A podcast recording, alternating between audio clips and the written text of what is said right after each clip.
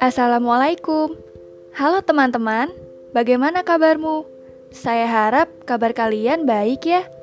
Terima kasih untuk kamu yang telah mendengarkan podcast ini.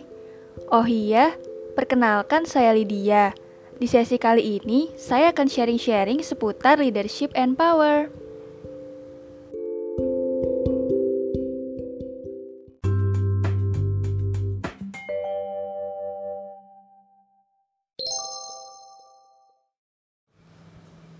Nah, sebelum berbicara mengenai leadership atau kepemimpinan, tentu kita tahu bahwa jika di suatu tempat ada seorang pemimpin, di situ pasti terdapat sebuah kelompok.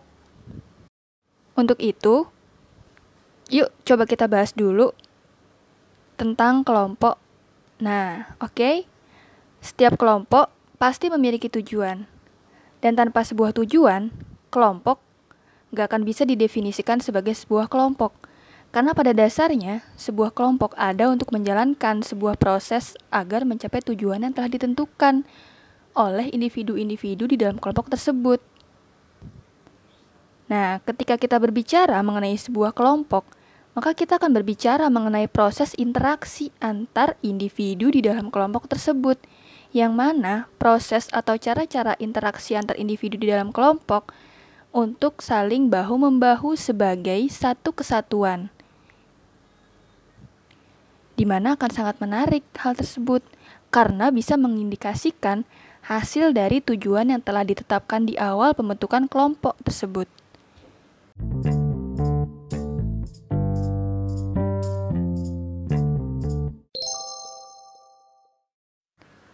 Nah, teman-teman, tahukah kamu dalam berbicara mengenai leadership, ada sebuah statement dasar yang perlu kalian ketahui, yaitu gaya kepemimpinan itu dipengaruhi oleh perkembangan kelompok loh. Jadi, setiap perkembangan kelompok menunjukkan tingkat kesiapan kelompok atau grup readiness yang berbeda-beda. Karena itu, untuk setiap kelompok yang berbeda diperlukan gaya kepemimpinan yang berbeda pula. Oke, teman-teman, saya akan mencoba untuk menjelaskan secara singkat mengenai tahapan-tahapan perkembangan kelompok, yaitu yang pertama ada tahap forming. Jadi pada tahap ini anggota kelompok tuh masih mencoba untuk saling mengenal satu dengan yang lainnya. Jadi anggota kelompok itu masih terbawa pola pikir yang lama gitu sebelum mereka bergabung dengan kelompok yang sekarang. Nah, yang kedua ini yaitu storming. Jadi masih adanya ketidakpastian dan ketidakjelasan di dalam kelompok tersebut aturan-aturannya bicara mengenai aturannya. Nah, jadi pada tahap ini sering banget terjadinya konflik internal kelompok tersebut gitu. Nah, lanjut ada yang ketiga yaitu tahap norming. Pada tahap ini aturan-aturan sudah terbentuk. Tujuan dan struktur juga sudah jelas dan semakin dipahami oleh anggota kelompok. Nah, anggota kelompok juga udah mengerti mengenai tugas tanggung jawab. Nah, sehingga hubungannya antar kelompok itu semakin erat, kompak, dan sinergi antara anggota kelompok. Next, ada tahap performing. Nah, pada tahap ini, anggota kelompok mulai menunjukkan performa atau kinerja yang diharapkan. Nah, yang terakhir, ada adjourning, yaitu tahap pembubaran kelompok. Nah, kelompok sudah jika sudah selesai waktu kerjanya dan para anggota kelompok kembali menjadi individu-individu yang independen. Teman-teman, dari tadi kalian ngerasa nggak sih kenapa saya agak menyinggung bahasan tentang kelompok? Jadi, seperti yang di awal sudah saya sampaikan, perkembangan kelompok berpengaruh terhadap suatu kepemimpinan. Untuk itu, Yuk simak baik-baik bahasan seru selanjutnya mengenai apa itu kepemimpinan, fungsi pemimpin, faktor yang menentukan seseorang untuk menjadi pemimpin, sifat-sifat kepemimpinan, serta gaya kepemimpinan sebagai penutup sesi podcast kali ini.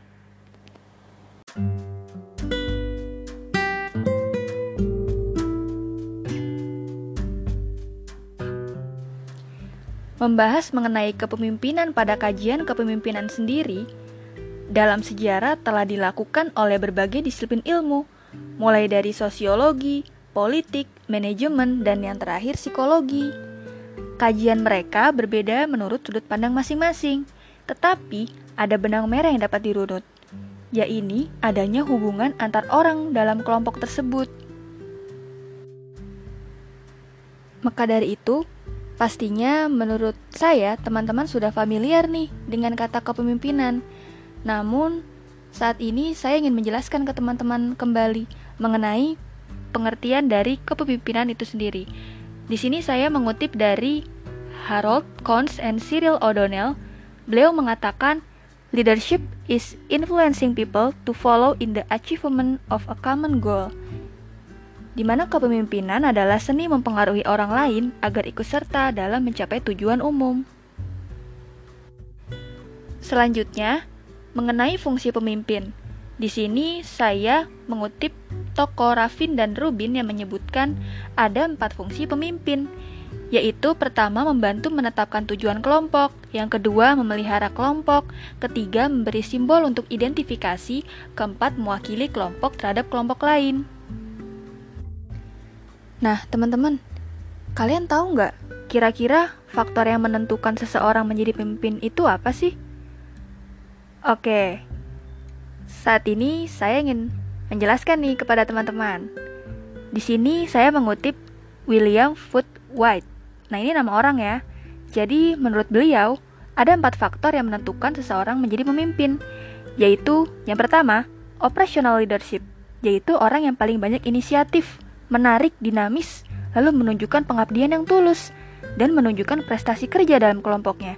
Yang kedua ada popularity, yaitu orang yang paling banyak dikenal mempunyai kesempatan untuk menjadi pimpinan.